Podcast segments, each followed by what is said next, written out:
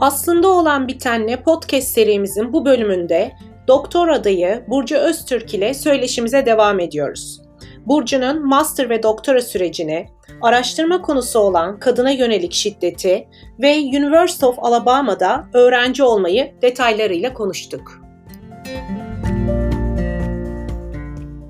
şimdi istersen biraz senin bu sürecinden bahsedelim. Neler yaptın bu süreçte, ne zorluklar yaşadın? Ve sosyal hizmetlerde yapıyorsun. Çok yegane bir bölüm bence doktora yapmak anlamında. Dediğin gibi buraya gelenler genelde psikoloji altyapılı oluyorlar veya doktora programlarındakiler işte sosyal hizmetlerde ben de dahil olmak üzere psikolojiye geçmişi olup sosyal hizmetler doktorası yap, yaptım. Ee, sen o anlamda Türkiye'deki şu anki sosyal hizmet uzmanlarına ve öğrencilerine çok iyi bir örnek olduğunu düşünüyorum. Ee, umarım bu podcast'i dinler şu anda sosyal hizmetlerde olan arkadaşlar. Çünkü senin yani çok yegane bir e, deneyimin var bu anlamda. Ama zorlukları nelerdir? İstersen bunlardan biraz bahsedelim. Mesela dedin ki master'da 60 kredi aldık. Evet ben de 60 kredi aldım. Psikoloji geçmişte olmama rağmen. Sen mesela sosyal hizmetler geçmişte olsan bile yine de bir kredi düşüşü olmamış anladığım kadarıyla.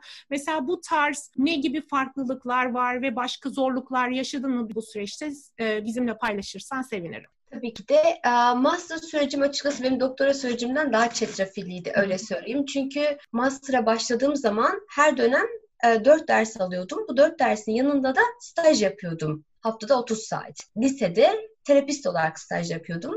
Tabii şimdi ben Türkiye'den o dönemde geldiğimde Türkiye'de sosyal, sosyal hizmetlerden mezun olduğunuz zaman terapist olamıyorsunuz. Ya da yani evet bir kurumda çalışıyorsunuz hı hı. uzman olarak ama bizim terapi yapma imkanımız yoktu. Ancak burada terapi yapabilme imkanı sağlıyor sana sağlıyor derken aldığın aslında altyapı da ona seni hazırlıyor. Yani lisansta aldığın sosyal hizmet eğitimin ve yüksek lisansta aldığın sosyal hizmet eğitimin seni bir terapist olarak hazırlıyor. Benim programım klinik ağırlıklı bir programdı master'da aldığım program. İlk başladığımda tabii ki de ben aynı zamanda burada bir master programına dahil olduğum için Amerika'daki sosyal hizmet sistemini de öğrenmem lazım. Amerika'nın tarihi, Amerika'nın yasal gelişimi, sosyal hizmetlerde yapılan yenilikler bunların da içinde olmam gerekiyordu. Tabii bunları öğrenmek ister istemez yorucu. Hem İngilizce öğreniyorsunuz hem yeni bir alandasınız, yeni şeyler öğreniyorsunuz. O yüzden o iki yılım açıkçası çok biraz böyle yorucu, çetrefilli, aynı zamanda da çok donanımlı geçti öyle söyleyeyim. Ee, iki yıl boyunca bir e, lisede terapist olarak da çalıştım yeni öğrencilerim oldu, bana verilen müracaatçılar oldu özel olarak. Onların raporları yazılması, aynı zamanda grup terapilerine katılmak. Ben daha çok aile üzerine de odaklanmak istemiştim. İkinci yılında aldığım dersler daha çok böyle aile ağırlıklıydı. Ancak tabii bunun yanında da araştırma dersleri de aldım master boyunca. Yani tez yazmış olmamamıza rağmen klinikte yapılacak araştırmalar nasıl olur, hangi metotlar kullanılır bunlar üzerine de bir eğitim programı. Yani çok yoğun bir eğitimim, eğitim programım olmuş oldu master'da. Ben ilk geldiğimde DSM kitabı dediklerinde DSM kitabı neydi düşüneyim falan diye oldum. Çünkü DSM kitabının açıkçası ne olduğunu bilmiyorum ama iki yıl boyunca o DSM kitabını e, baştan aşağıya okuyor, okuyor. Semptomlar nedir? İşte bir müracaatçı geldiği zaman ona e, hangi hastalıklar var ya da işte nasıl müracaatçıyla bağlantıya geçilmesi gerektiğine dair bütün şeyler yazıyordu. Ama ben bu DSM kitabını açıkçası Türkiye'deki aldığım eğitimde çok fazla duyduğumu hatırlamıyorum öyle söyleyeyim. Birçok şeyi burada öğrendiğimi söyleyebilirim bu anlamda master sürecim bu şekilde geçti. Ama tabii master'a başvuru yaparken arkadaşlar sosyal hizmetler alanındaki arkadaşlar özellikle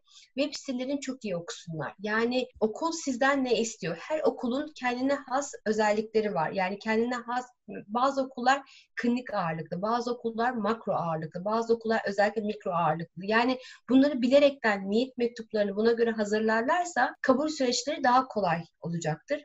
Dediğim gibi ben hiç kimseyi tanımıyordum bu süreçte. Kimseden bu anlamda destek alma şansım olmadı. İşte farklı alanlardaki arkadaşların yazdıkları niyet mektupları, örnek niyet mektuplarıyla hazırlamıştım niyet mektubumu. Hı. Bu niyet mektubunuzda Türkiye'de yaptığınız her şeyi detaylı olarak anlatmanız gerekiyor. Yani nerelerde staj yaptınız, hangi kurumlarla, hangi müracaatçı gruplarıyla tanıştığınız ve çalıştığınız bunlar bu niyet mektuplarında çok can alıcı noktalar oluşturmaktadır. Aynı zamanda da buraya geldiklerinde de Türkiye'deki sistemden daha farklı bir sistemin içine gireceklerini de bilmeleri gerekmektedir. Eğitim anlamında. Doktoraya geldikten sonra da doktoraya başlamadan önce de hangi konuda çalışmak istediğimi zaten daha öncesinde biliyordum. Bu benim e, zaten Amerika'ya geliş amacımdı. Hangi konuda, hangi alanda, nasıl bir yöntem izlemek istediğimi zaten en başından farkındaydım. Ne çalışıyorsun? Biraz istersen ondan, onundan da bahsedebiliriz. Kadına karşı şiddet çalışıyorum aile içerisinde. Şu an yazdığım tezde de e, Amerika'da Orta Doğu'dan gelmiş göçmen kadınların Orta Doğu'dan gelmiş göçmen olacaklar. Aynı zamanda da eşleri ya da partnerleri tarafından şiddet görmüş kadınlarla çalışma yapmaktayım. Benim konum hassas bir konu olduğu için bir etik kurul e, durumu biraz daha ister istemez öğrenci arkadaşlar için sıkıntılı olabiliyor. Etik kurula hangi alanda çalışacağınızı, hangi kişilerle çalışacağınızı, nasıl bir çalışma yapacağız detaylı bir şekilde anlatmak. Yani etik kuruldan onaylanmadığı sürece çalışmama başlamam mümkün değildi.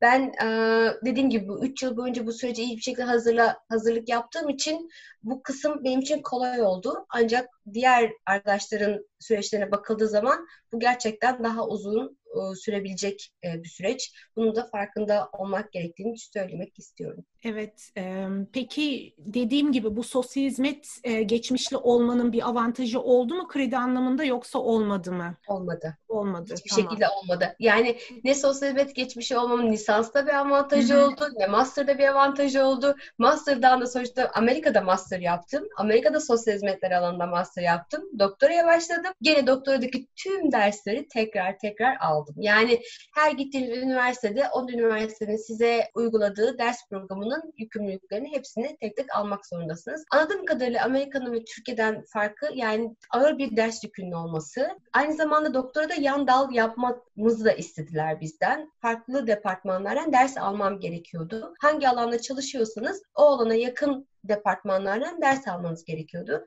Ben kadınla çalıştığım için kadın çalışmalarının yapıldığı bölümden de onun için aynı zamanda political science adı hı hı. altında, politika biliminin altından dersler alarak da yapmış olduğum çalışmaları da desteklemenizi istiyorlar. Yani doktora süreci boyunca sadece sosyal hizmet departmanından ders almadım. Farklı departmanlardan ders alaraktan da bunu da yan dal olarak sardırabildik. Evet sosyal hizmetlerin öyle bir güzelliği var. Yani büyük ihtimalle bütün sosyal bilimlerdeki doktora programlarında böyle ama alanınıza yönelik diğer disiplinlerden ders alabilme çok ufuk açıcı bir e, deneyim oluyor. Ben de işte kültür çalıştığım için antropolojiden mesela ders aldım ve çok bambaşka bir bakış açısı kattı bana. Bunlar zaten doktora eğitiminin en önemli herhalde boyutlarından biri.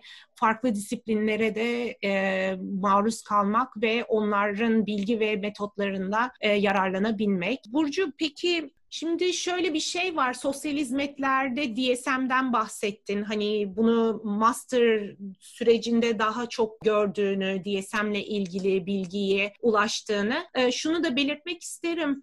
Ben şu an burada lisans düzeyinde de öğrencilerle çalıştığım için mesela buradaki ders programında da sosyal hizmetlerde DSM ve çok öğrenciler açıkçası bilgiye ulaşmıyorlar o anlamda. Ee, bunu daha ziyade master'da klinik odak çalıştıkları zaman zaten bu anlamda e, eğitim görüyorlar. Ama buradaki undergrad eğitiminde de daha ziyade teori, daha beceriler üzerine işte aileyle nasıl çalışılır, çocukla nasıl çalışılır bu anlamda bir ders programı var. O yüzden yüzden Türkiye'deki sosyal hizmet öğrencileri de bunu bir yokluk olarak görmesinler. Amerika'da da durum aslında böyle. DSM biraz daha klinik odaklı olduğu için bunu daha sonraki adımlarda buradaki sosyal hizmet uzmanlığı okuyan öğrenciler de e, bu eğitimi alıyorlar. E, sen buna bir şey eklemek ister misin? Katılıyorum Aslı'cığım dediklerine.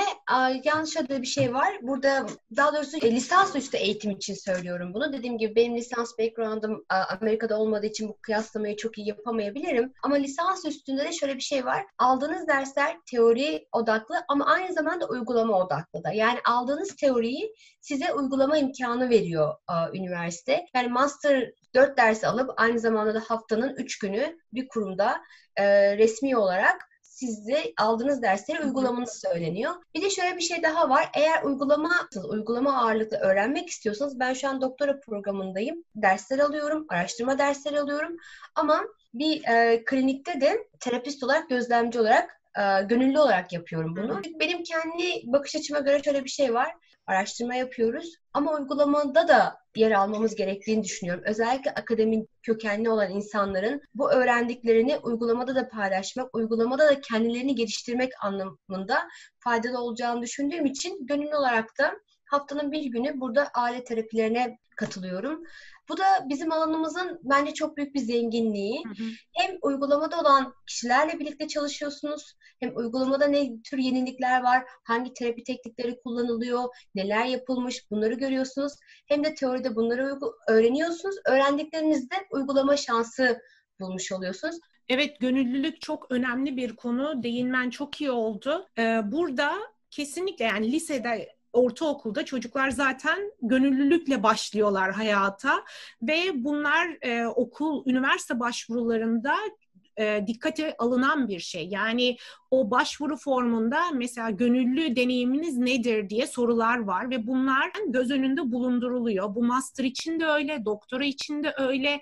Yani Türkiye'de bu gibi alanlarda çalışanlar aslında keşke herkes yapsa gönüllü iş ama özellikle bizim disiplinlerimizde gönüllü işler içinde bulunmak çok önemli. Hem o klinik e, deneyime de oluşturmak için hem de buradaki başvurular için. Eğer Amerika'ya gelmek istiyorsanız gönüllülük yaptım demek çok önemli. Sizin o e, niyet mektubunuzda da ve başvurunuzda CV'nizde görülmesi açısından. Dediğin gibi doktora da bir şekilde bir gönüllülük yapmak. Yani doktora çok teorik olsa da bu tarz deneyimlerin çok önemli, çok değerli olduğunu düşünüyorum. Daha donanımlı akademisyen olabilmek anlamında.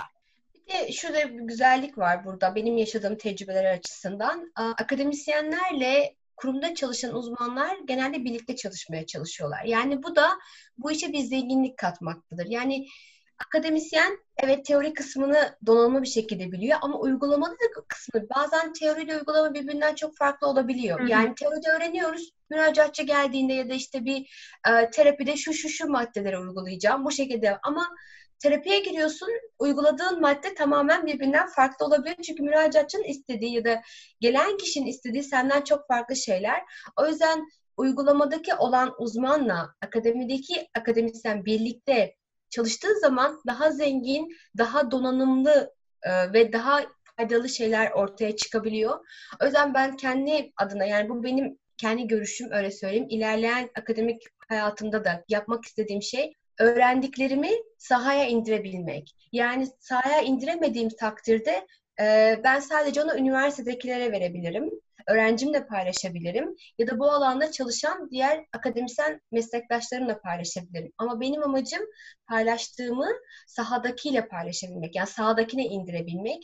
Ben bugün kadınla çalışıyorsam, şiddete uğramış kadınla çalışıyorsam benim yazdıklarımı ya da bu tezimi sadece akademisyen arkadaşlarım değil de o kadınların da okuyabilmesi ya da onların da onlardan bir şeyler alıp hayatlarını ona göre yönlendirebilmesi. Hı hı. Bu benim genel hedefim. Yani tabii herkes böyle düşünmek zorunda değil. Bazıları daha çok teoriktir, bazıları daha çok uygulama ağırlıklıdır.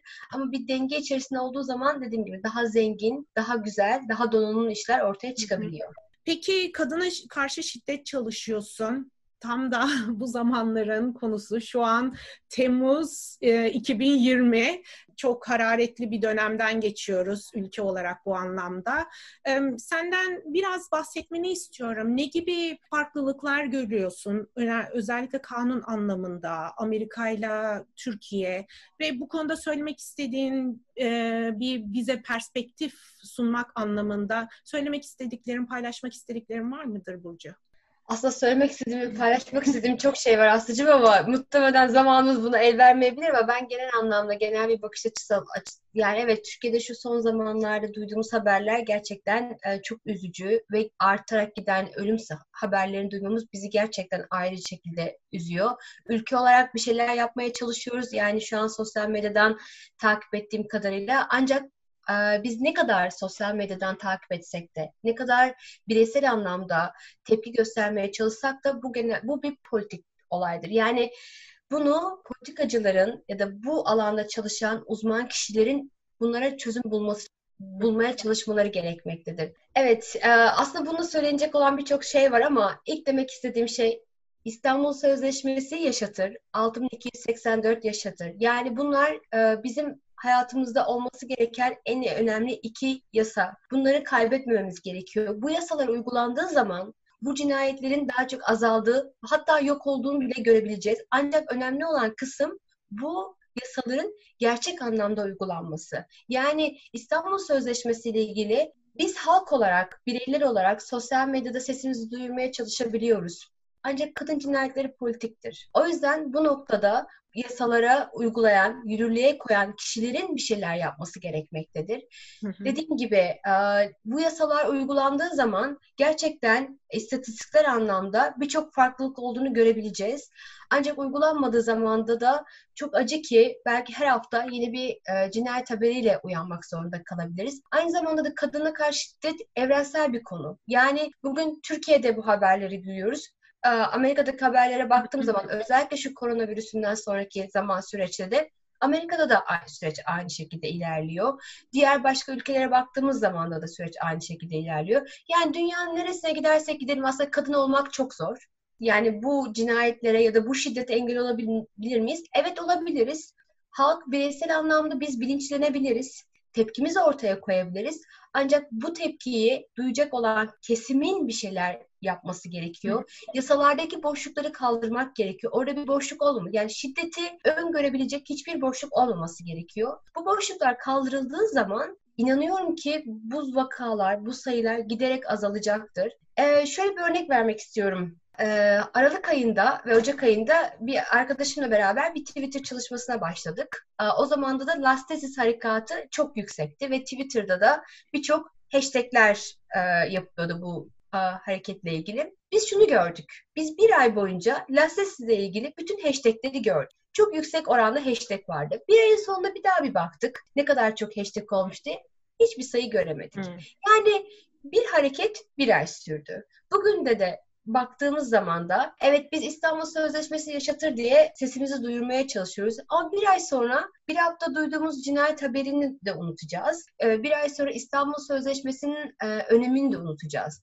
biz unuttuğumuz için de olay tekrardan arka arkaya gelmiş olacak. Yani biz bir çalışmada aslında bunun kısa süreli bir bilinçlendirme olduğunu gördük. Hı hı. Bunun hayatımıza yerleşmesi için yasaların olması gerekiyor. Belli yükümlülüklerimizin olması gerekiyor. Bu anlamda da politikanın işin içerisinde olması gerekiyor. Ama dediğim gibi kadın cinayetleri, kadına karşı şiddet evrensel bir olay. Bugün benim yaptığım çalışmada da bunu görüyorum. Bugün burada da birçok insan bununla mücadele etmeye çalışıyor. Amerika'daki yasalara baktığımız zaman da 1994'te imzalanan bir federal bir yasa var. Kadına karşı şiddeti e, önlemeye çalışan. Ancak bu yasada da birçok boşluklar olduğu için yasa defalarca yeniden e, yürürlüğe girip yeniden e, eklemeler yapıldı. Özellikle göçmenlerin göçmenlerle olan kısımlar çok bir boşluk e, sağlarken yasa içerisinde 2013 yılında şiddete maruz kalan göçmen kadınlar burada haklarını arayabildiler. Yani Amerika göçmenli göçmen sayısında çok yüksek bir rakama sahipken göçmen kadınlar haklarını 2013 yılında Hı hı. alabildiler. Ama bu süreç de kolay bir süreç olduğunu düşünmüyorum. Artan vaka sayıları, kadınların haklarını aramaya gittikleri mücadele sonucunda elde ettikleri hak. Yani mücadele edersek hakkımızı alabiliyor muyuz? Alabiliyoruz. Ama neden hep mücadele etmek zorunda kalalım? Yani mücadele etmeden de haklarımız verilse daha güzel olmaz mı? Daha güzel olur ama ancak işte dediğim gibi kadın cinayetleri politiktir diyerekten de politikacıların da bir şeyler yapması gerektiğini düşünüyorum bu anlamda. E, bunlar temel insan hakları ve hala 21. yüzyılda bunları almak için. Amerika'da da öyle. Zaten son zamanlarda yaşanan şeyleri çok iyi biliyoruz. Farklı ırkların uğradığı şiddet, polis şiddeti derken dediğin gibi kadına karşı şiddet ve şu an korona döneminde artış. Çünkü evde insanlar daha çok vakit geçiriyorlar. Bunun bir sonucu olaraktan şiddet rakamlarının arttığını görüyoruz ve dediğin çok önemli bu göçmen kadınların aldığı bu hak 2013'te Obama'nın çok fazla düzenlemeler yaptığı o dönemde ve şu an o düzenlemeler yerle bir edilmeye çalışılıyor şu anki hükümet tarafından Amerika'da ama e, yani kadınlar o şiddete maruz kalmak zorunda kalıyorlardı ama e, şimdi bir eğer şundan dolayı maruz kalıyorlardı.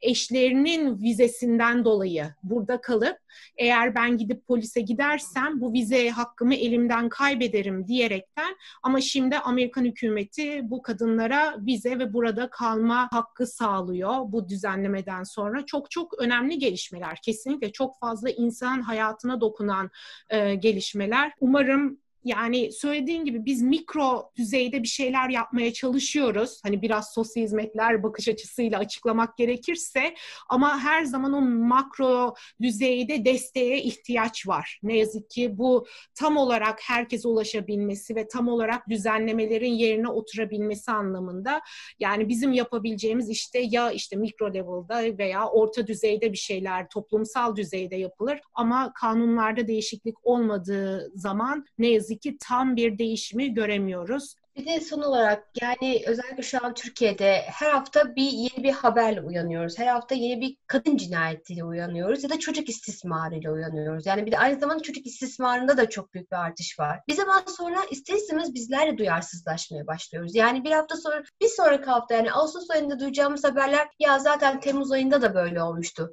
Zaten Haziran ayında da bunları duymuştuk. Evet duymuştuk. Demek ki çözülen bir şey yok. Yani biz böyle bu şekildeki duyarsızlaşmayla gidersek bir zaman sonra halk olarak da yani duyarsız kalacağız. Kadın mı?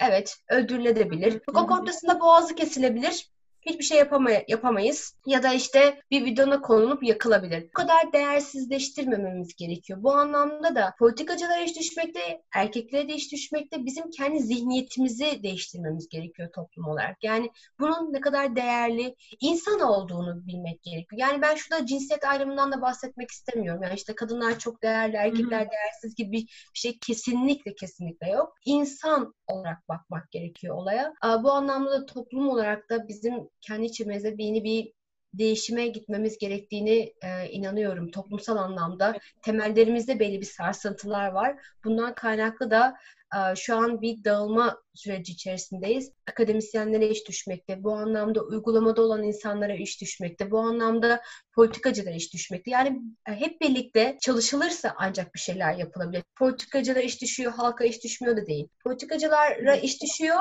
halka da iş düşüyor. Yani birlikte çalışıldığı zaman e, bu düzen bir şekilde değişecektir. Uygulamada daha düzenlenir bir hale gelecektir diye düşünüyorum. Hı hı.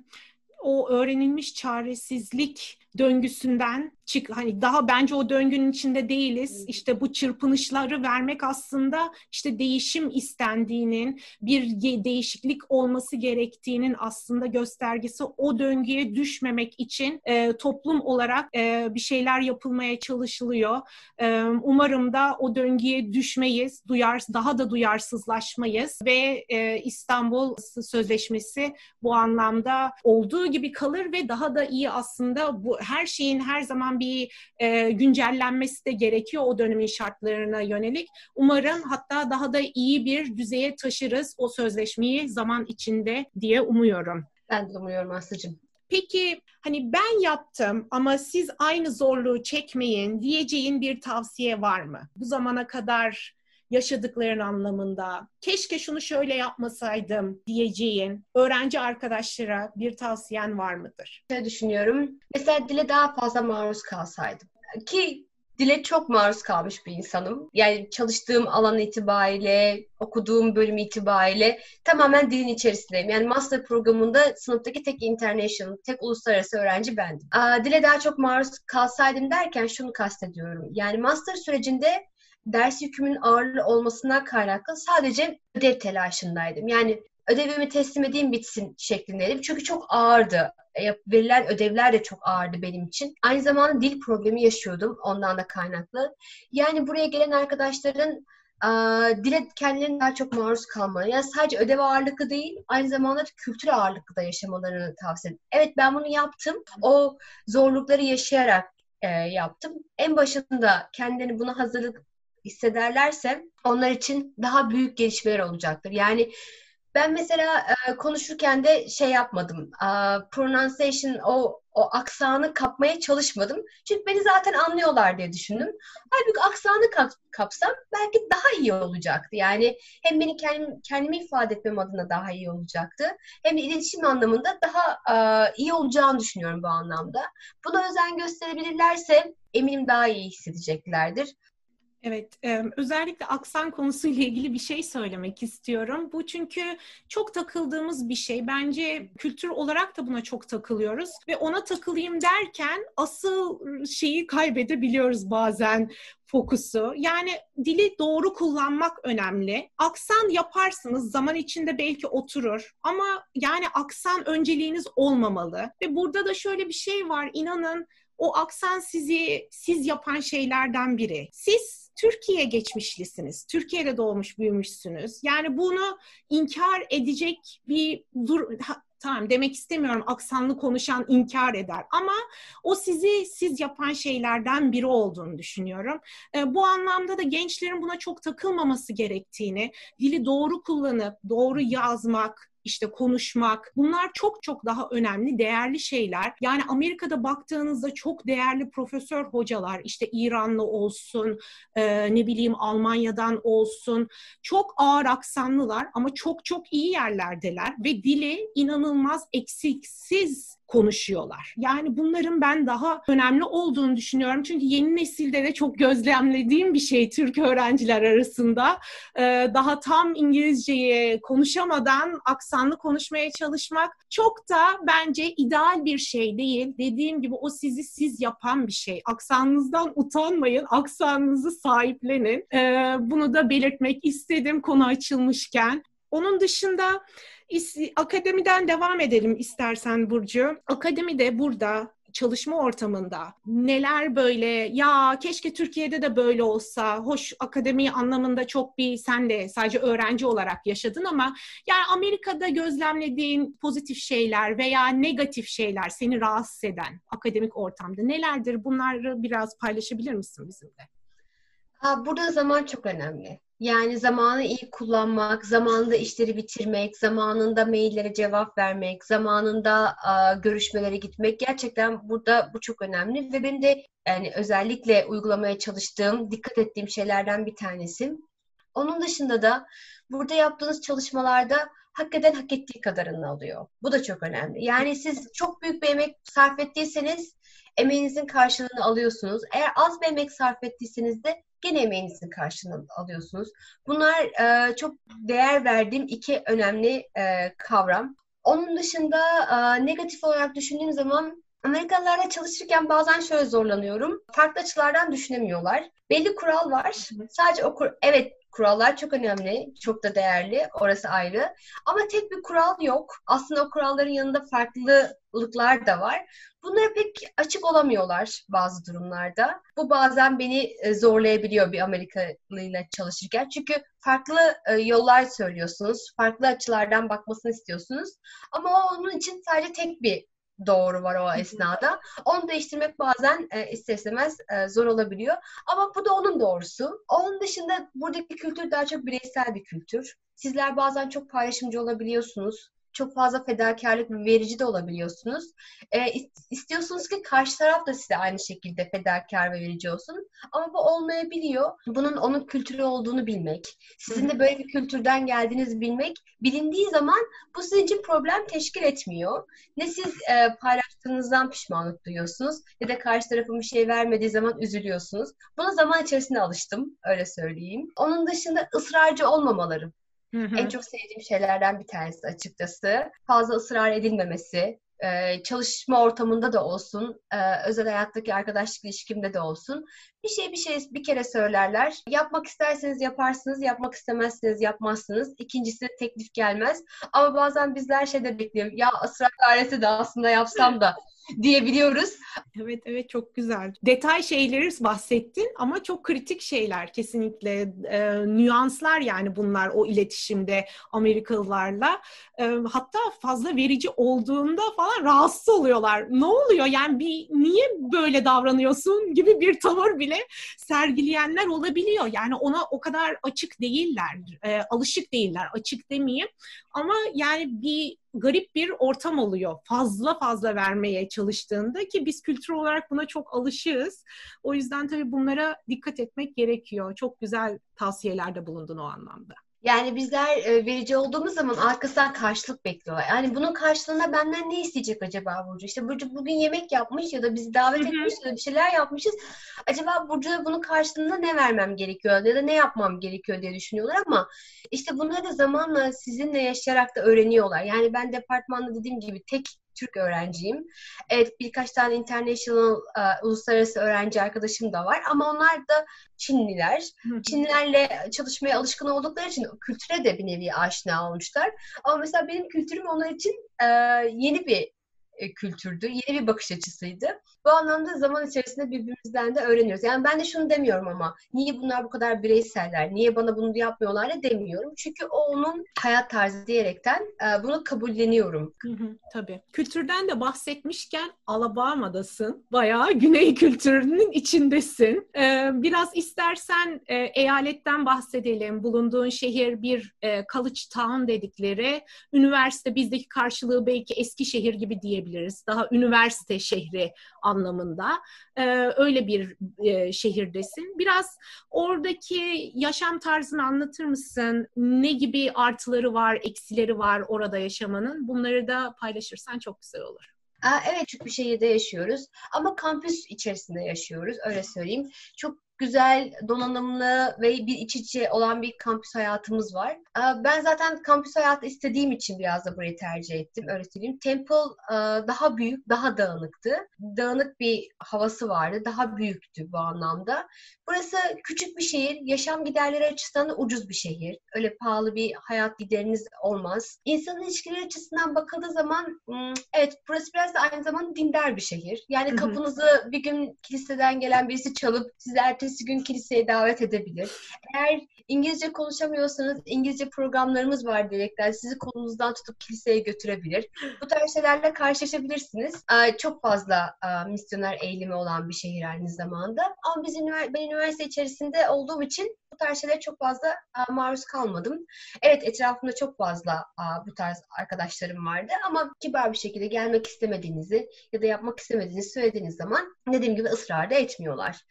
Onun dışında Alabama ile ilgili birçok şey var. Yani e, haberlerde okun evet e, ırkçılığa karşı, ırkçı olduğuna dair var olan kısmı da var. Ancak üniversite içerisinde bunu çok fazla hissetmiyorsunuz. Çünkü üniversite içerisinde birçok uluslararası öğrenci var. Birçok etnik grup var bu anlamda. Aynı zamanda çalışan hocalar da farklı üniversitelerden, farklı eyaletlerden burada bulundukları için onların perspektifleri de farklı olmuş oluyor. Yani ben birebir Philadelphia'da yaşarken doktora programına buraya başvuru yaptığımı bir hocamla bir, bir sınıf arkadaşımla paylaşmıştım. Sınıf arkadaşımın bana dediği Tuscaloose'da yaşarsan seni ziyarete gelmem Burcu. Direkt dedi yani asla seni ziyarete gelmem. Asla Alabama'ya gelmem diye. Yani e, onların bakış açısında da Alabama tamamen ırkçı. Evet ırkçı insanlar var mı? Var. Ama e, üniversite içerisinde dediğim gibi bunu hissetmek yani herkes böyle mi? Hayır herkes de böyle değil. E, aynı zamanda burada yaşayan, buralı olan açık görüşlü olan insanlar da var. Yaşam konusunda da diğer bir açıdan şehir küçük olduğu için birçok yere yakın. O anlamda şehir trafiği yaşamıyorsunuz. Şehir yeşil olduğu için bir doğa güzelliği var kendi içerisinde. Ama Amerika'nın genel problemi burada da var tabii ki de ulaşım. Yani ulaşım aracı yok. Yani var olan ulaşım araçları da az ve kısa süreli. O yüzden Amerika'daki e, karşılaşılan en büyük zorluklardan bir tanesi de galiba buraya gelmeden önce araba kullanmayı bilmeniz gerekmektedir diye söyleyeyim. Ya da bilmeniz de gerekmiyor aslında. Buraya geldikten sonra da öğrenebilirsiniz. Çok da zor değil burada araba kullanmak. Ama bu özellikle Tuscaloose'da bu çok büyük bir sıkıntı. Buraya eğer arabanız yoksa ulaşım anlamında daha çok kişilere bağımlı kalmak zorunda kalabiliyorsunuz. Ev kiraları bakımından bakıldığı zaman e, çok yüksek mevlalar değil. Üniversite etrafında birçok ev var öğrencilerin yaşadığı. Üniversitede eğer arabanız ve ulaşım aracınız varsa daha uzak mesafelerde de e, kalabiliyorsunuz. Onun dışında ben bilmiyordum. Burada güzel bir Türk komitesi var. Üniversitede çalışan hocalar var, Türk hocalar var. Aynı zamanda da birçok doktora ve master'a gelen öğrenci arkadaş var. Bir kısmı MEP'li, bir kısmı e, kendi imkanlarıyla gelmiş. Postdoc gelen öğrenci arkadaşlar var. Aynı zamanda e, Türk grubu olduğu için de, de e, birlikte bir şeyler yapabilirsiniz. Bu anlamda da güzel bir ortam oluşturabilirsiniz. Bunların hepsi sizin elinizde. İsterseniz yaparsınız, isterseniz yapmazsınız. Aklıma gelenler şimdilik bu kadar aslında. İklim konusunda ne dersin? Sıcak derim, çok sıcak derim. Yani yaz dönemi özellikle gerçekten e, çok sıcak geçiyor. Bahar ve sonbahar çok güzel olduğu zamanlar. Kışın çok soğuk değil. Hatta kar yağdığı zaman insanlar burada bir afallarlar. Trafiğe çıkamazlar. Okullar tatil edilir. Sadece tek bir gün bile yağması yeterlidir. Çünkü insanlar buna alışkın değil. Okyanusa yakınız ama tabii ki de çok yakın bir mesafe değil. Yani Hı. yakın dedi, demediğim de 3-4 saatlik bir e, mesafedeyiz. Havalimanına yakın. Birmingham'da bir havalimanı Hı. var. Aa, New Orleans'a yakın mısınız? Kaç saat? 5 saat. 5 saat. 4-5 saat civarı. Evet birçok yere yakın. Yani New Orleans'a yakın, Tennessee'ye yakın, Florida'ya yakın. Aa, etrafta e, büyük şehirler var. Öğrenci için ideal bir şehir. Öyle Hı-hı. söyleyeyim. Yani özellikle bir doktor öğrencisi için ideal yaşam anlamında, maddi anlamda da ideal, e, yapılabilecek aktiviteler anlamında da tabii ki de kuzeye göre kıyasladığımız zaman buradaki aktiviteler daha kısıtlı kalmış oluyor. Yani e, her hafta bir konsere gidemezsiniz. Her hafta bir tiyatro gösterisi yok. Ama var. Yani yok değil var ama kuzey eyaletleriyle kıyaslanıldığı zaman imkanlar açısından daha kısıtlı. Bir de e, farklılıklar açısından da tabii ki de kısıtlı. Tamam dedim e, burada uluslararası öğrenciler var ama şimdi ben Kuzey ile kıyasladığım zaman birden buradaki uluslararası öğrenci sayısı, buradaki etnik grup sayısı daha az olmuş oluyor. Tabii, evet. Ee, ama şu college town konsepti aslında çok önemli bir konsept. Çünkü ne kadar etrafı ırkçı da olsa üniversitenin olduğu şehir aslında genelde daha demokrat oluyor. Yani dışına göre daha ilerici oluyor. Çünkü üniversite ortamındasınız ve dediğin gibi hocalar Amerika'da şöyle bir kural var. Doktora yaptığınız okulda kalamıyorsunuz. Yani çok belki istisnalar vardır ama doktora yaptığınız okul dışında iş buluyorsunuz. O yüzden de mesela senin okulunda dediğin gibi çoğu hocan zaten he, Alabama'da master'ını yapmıştır. İşte gitmiştir NYU'da doktorasını yapmıştır. Geri Alabama'ya gelmiştir. Böyle case'ler var ama hocaların farklı perspektifleri de yaşamaları anlamında, deneyimlemeleri anlamında e, genelde çoğunlukla zaten doktora yaptıkları okulda kalmıyorlar. O hocaların da farklılıkları daha fazla perspektif dahil olmasını sağlıyor. O yüzden yani bu anlamda eğer bir college town'sa öğrencilerin bunu düşünmeleri iyi anlamda tercih etmeleri tavsiye edilir. Çünkü senin de söylediğin gibi Kuzey evet çok güzel imkanları var ama yaşam anlamında, masraf anlamında Güney bu anlamda çok daha mantıklı. Ve de üniversitelerde tiyatro kulüpleri, kendi orkestraları, kendi e, sahneleri olduğu için tamam evet bu her hafta gidemezsiniz belki ama çok da kaliteli yine işler yapılıyor diye düşünüyorum. Çünkü benim de master'ımı yaptığım e, şehir öyle bir şehirdi. Çok da keyifli oluyor. Çok daha işinize odaklanabiliyorsunuz. Çok bir sizin dikkatinizi dağıtacak etrafta bir şey olmuyor. Kendinizi dersinize veriyorsunuz. Kampüste vakit geçirip. Çok büyük şans dediğim gibi Türk grubunun olması. Bunlar önemli e, kriterler bir yeri seçmede bence. Aynı zamanda Güney'in insanı gerçekten e, bir tık daha e, sıcakkanlı ve misafirperver olabiliyor. Onu da söyleyeyim. Yani bu tek e, Türk grubu için söylemiyorum. Ben bunu Amerikalılar için özellikle söylüyorum. Amerikalılar daha burada bir e, misafirperver, daha böyle yani aileci o anlamda daha böyle e, hoşgörüde e, olabiliyorlar. Hı hı, haklısın, evet.